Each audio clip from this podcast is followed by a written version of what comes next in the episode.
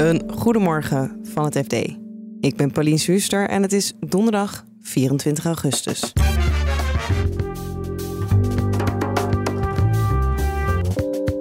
De Fiat is een mogelijke beleggingsfraude van 56 miljoen euro op het spoor gekomen. Een groot deel van de inleg werd niet belegd, maar uitgegeven aan Sportpaarden, auto's, uh, duur vastgoed, sieraden. De Nederlandse huurwoning is niet zo interessant meer voor de buitenlandse beleggers. Zo gauw er onzekerheid is, zie je vooral bij die buitenlandse beleggers dat ze dan ja, eigenlijk meteen zich terugtrekken. Van eerst kijken waar dit naartoe gaat en dan pas weer investeren. En in een week verdampte zowat de helft van de beurswaarde van Adyen nadat ze kwamen met tegenvallende cijfers. Was de groei opeens een stuk minder?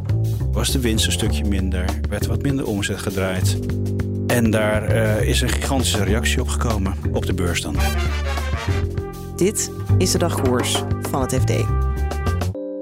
We beginnen bij de beleggingsfraude van 56 miljoen euro, waar de Fiat 330ers van verdenkt. Er zijn invallen geweest in Tiel en Oosterhout en het drietal is ook aangehouden. Je hoort onderzoeksjournalist Jasper Been. Ze kwamen dit op het spoor door de melding van de Autoriteit Financiële Markten. Die kregen meldingen van consumenten, waarschijnlijk gedupeerden. Die hebben een onderzoek gedaan en vervolgens ook aangifte gedaan uh, van, van omvangrijke beleggingsfraude. Uh, en op basis daarvan heeft de Fiat dus onderzoek gedaan en dus de invallen gedaan. Wij hebben de beslagleggingen van het Openbaar Ministerie bekeken. En daaruit blijkt dat het gaat om Corina de J. en haar zakenpartner Rob van R. en levenspartner Gerald de J. Uh, ja, en die worden verdacht uh, in dit omvangrijke onderzoek van, van verduistering en van witwassen. En Corina de J, die de speel lijkt te zijn in deze beleggingsfraude, die wordt ook nog verdacht van het aanbieden van beleggingsdiensten zonder vergunning en valsheid in geschriften en oplichting. 56 miljoen, dat is een flinke uh, fraude. Hoe kwamen mensen dan bij hen terecht? Hoe hebben ze zoveel beleggingen binnen kunnen halen? Ja, we hebben inmiddels een aantal bronnen in hun omgeving ges gesproken die zeggen dat het uh, van mond tot mond uh, reclame ging. De rendementen die beloofd werden, die waren gewoon heel erg hoog. De Fiat spreekt in een persbericht van rendementen van 10 tot 12 procent op maandbasis. Ja, daar zijn mensen voor gevallen. Het zou gaan om enkele honderden gedupeerden. Dan, dan tikt het uh, al snel aan. En uiteindelijk zegt de Fiat dus dat er 56 miljoen euro is uh, geïnvesteerd door beleggers. Maar dat aanzienlijke delen daarvan uiteindelijk niet zijn geïnvesteerd, maar zijn opgegaan aan sportpaarden, auto's, uh, duur vastgoed, sieraden. Want ze komen ook uit de paardensportwereld, lijkt het. Ja, klopt. Zij hebben daar zeker wat, wat mee te maken. Veel van de, van de diensten die ze aanbieden, dat is ook specifiek gericht op ja, op hippische ondernemers. Dus we, we, vonden een van de bedrijven waar de Fiat nu voor waarschuwt, uh, Xerof BV. Het doel van die stichting is het geven van financieel advies aan hippische bedrijven. Dus dat, uh, ja, dus zij zitten echt in die paardensport. En waar verdienen ze, tenminste naar hun zeggen, die enorme rendementen dan mee? Ja, volgens de Fiat zouden de, de bedrijven van deze drie zich bezighouden met forex-beleggingen. Dus beleggingen uh, die zich bezighouden met koersverschillen, in dit geval tussen dollar en goud. En waar ze dus ook die, ja, die, enorme rendementen op maandbasis mee zouden behalen. En ja, dat, forex traden dat is een, echt wel een hele populaire manier van beleggen tegenwoordig. En dat bedrijf waar ik het net over had, Xerof, dat is dus forex uh, omgekeerd. En de Fiat roept ook mensen op om er niet mee uh, in de zee te gaan met deze bedrijven. En om ook je te melden als je dat wel hebt gedaan. Hoe uitzonderlijk is dat? Nou, het is wel opvallend in een persbericht van de Field. En normaal gesproken uh, proberen ze dan wel uh, de, de, identiteit van de verdachte zoveel mogelijk te verhullen. Maar in dit geval uh, staat er een hele expliciete waarschuwing voor, voor de betrokken bedrijven van de verdachte in het persbericht. het gaat om Best Choice, Airfeed BV en Xerof BV. want ja, ze waarschuwen ehm, particuliere eh, ondernemers en bestaande en potentiële beleggers voor, voor deze bedrijven om niet in te stappen. En dat als je wel bent ingestapt, om je te melden bij de field. Daar hebben ze een speciaal meldpunt voor. Uh, ja, dat zullen zij ook uh, gebruiken natuurlijk in hun onderzoek uh, naar deze drie verdachten. De Nederlandse huurwoning is niet zo populair meer bij buitenlandse beleggers. Eerder werd al bekend dat een grote Canadese belegger overweegt om bijna 7000 Nederlandse woningen van de hand te doen. En uit een rondgang van het FD blijkt dat de buitenlandse beleggers inderdaad terughoudend zijn geworden de afgelopen maanden. Je hoort woningmarktredacteur Nelleke Trappenburg. Buitenlandse beleggers zijn uh, eigenlijk de afgelopen jaren, uh, ja, die nemen ongeveer 30% van de transactievolume voor een rekening, dus in euro's, dus van, van wat er verhandeld wordt aan huurwoningen. En het afgelopen half jaar is dat volgens cijfers van Capital Value ineens gezakt naar 6%. Dus dat is echt wel een flinke terugval. Ja, en we hebben ook meerdere beleggers buitenlands gehoord die denken van misschien moet ik er wel vanaf. Ja, in, onlangs bleek nog dat die grote Canadese belegger overweegt om 7000 huurwoningen te verkopen. Dus dat is echt wel een flinke portefeuille. En waar komt dat door? Waarom willen ze liever geen Nederlandse huurwoningen meer? Ja, de hele huurmarkt, eh, of de hele vastgoedmarkt eigenlijk, loopt nu heel stroef. Sinds de rente zo heel snel omhoog is gegaan, zie je gewoon dat heel veel vastgoedtransacties uh, niet rondkomen. Partijen komen er niet uit qua prijs. En ja, bij de, op de huurmarkt, op de huurwoningmarkt, speelt ook nog mee dat het kabinet natuurlijk en een aantal maatregelen heeft genomen. En ook nog een aantal maatregelen heeft aangekondigd. Zoals uh, huurregulering, waardoor misschien wel de prijzen, de, huur, de huren omlaag moeten. Daar zijn beleggers niet blij om. Zijn we toch opeens een veel minder interessant land geworden? Ja, en ze weten ook niet waar het naartoe gaat. En zolang, zolang, zo gauw er onzekerheid is, zie je vooral bij die buitenlandse beleggers dat ze dan ja, eigenlijk meteen zich terugtrekken. Van eerst kijken waar dit naartoe gaat en dan pas weer investeren.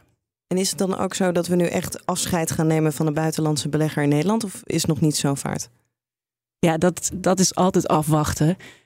Ze hebben natuurlijk nu ook een bepaald lobbymotief om nu heel hard te zeggen: we investeren hier niet meer. Uh, want zij willen niet dat die regels er komen. Ja, en het is ook nog afwachten bijvoorbeeld of zo'n Canadese belegger 7000 woningen verkocht krijgt. Ik heb wat kenners gesproken en die zeiden ook van... ja, het, het, woningtekort is nog steeds heel groot. Dus in die zin blijft uh, de Nederlandse woningmarkt interessant voor beleggers. Want ja, dan weet je zeker dat er geld te verdienen is, dat er huurders zijn.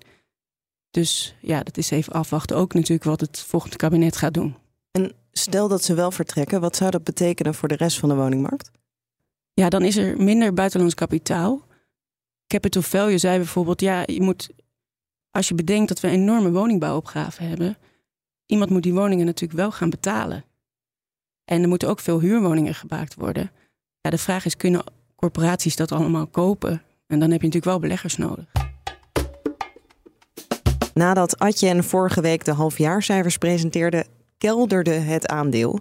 En inmiddels is er nog ongeveer de helft van de originele beurswaarde over. Onze fintech-redacteur Rutger Bedlem maakt de balans op. Adyen was altijd een lieveling op de beurs. Kon eigenlijk niet op. Kwam altijd met ontzettend goede uh, cijfers. Uh, hoge winsten, uh, omzetverdubbeling. En afgelopen cijferpresentatie op donderdag was de groei opeens een stuk minder. Was de winst een stukje minder. werd wat minder omzet gedraaid. En daar is een gigantische reactie op gekomen op de beurs dan. Hadden ze hogere cijfers verwacht? De cijfers lagen wel onder de verwachtingen van de analisten, ja. Waar zit het hem in dat Adje nu slechtere resultaten boekt? Nou er zit vooral in het feit dat uh, techbedrijven op dit moment wat minder lekker draaien. dus de omzet van de grote internetretailers uh, staat wat onder, onder druk. Die zijn aan het letten op de kosten. Er wordt minder geld in snel groeiende bedrijven gestoken. dus die bedrijven die moeten op zoek naar een winstgevendheid in plaats van naar groei. En dan zie je dus ook dat ze op de kleintjes gaan letten. Nou, uh, grote internetbedrijven hebben vaak meerdere betaaldienstenverleners. Dus die hebben Adyen, maar die hebben misschien ook Stripe of Molly of wie dan ook ernaast staan. En je ziet dat ze dan wisselen. dus ze kunnen uh, een betaling via Adyen doen, maar ze kunnen er ook eentje doen via een concurrent. En als een concurrent een lagere prijs biedt, dan kiezen ze die de belofte van Adyen was altijd van wij zijn iets duurder, maar ook beter. Dus kies voor ons. Als die reactie nu zo sterk is, gaan ze daar dan ook iets aan veranderen?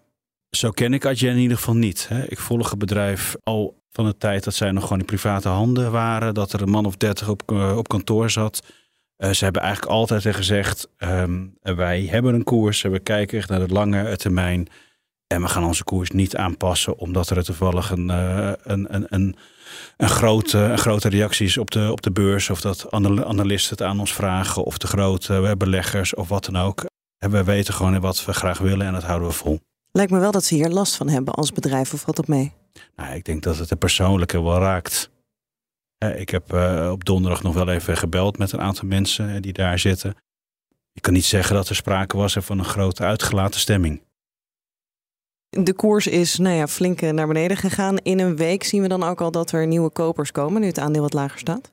Altijd als een aandeel flink onderuit gaat, uh, stappen er ook weer mensen in. Uh, op dinsdagavond uh, kwam het nieuws naar buiten dat Cathy Wood ingestapt is. Nou, Cathy Wood is een voormalig superbelegger. Um, inmiddels ook eentje met een klein smetje. Uh, Cathy Wood heeft de afgelopen jaren behoorlijk veel zeeperts achter de namen gezet. Dus, dus nou ja, we moeten hopen dat, uh, dat de komst van Cathy Wood niet het, het begin is van nog meer on, onheil.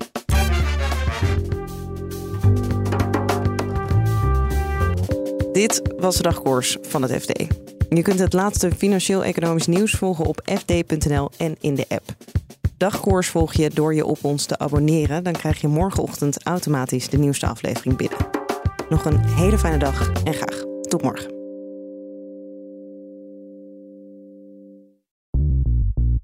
Bij BNR ben je altijd als eerste op de hoogte van het laatste nieuws. Luister dagelijks live via internet. Jelle Maasbach. Wesley Weert. We zijn er voor je met het leukste, opvallendste, maar natuurlijk ook het belangrijkste nieuws. Tijdens de presentatie van die halfjaarcijfers toen die beurskoers in elkaar kukkelde. BNR Beurs. Voor de slimme belegger. Blijf scherp en mis niets.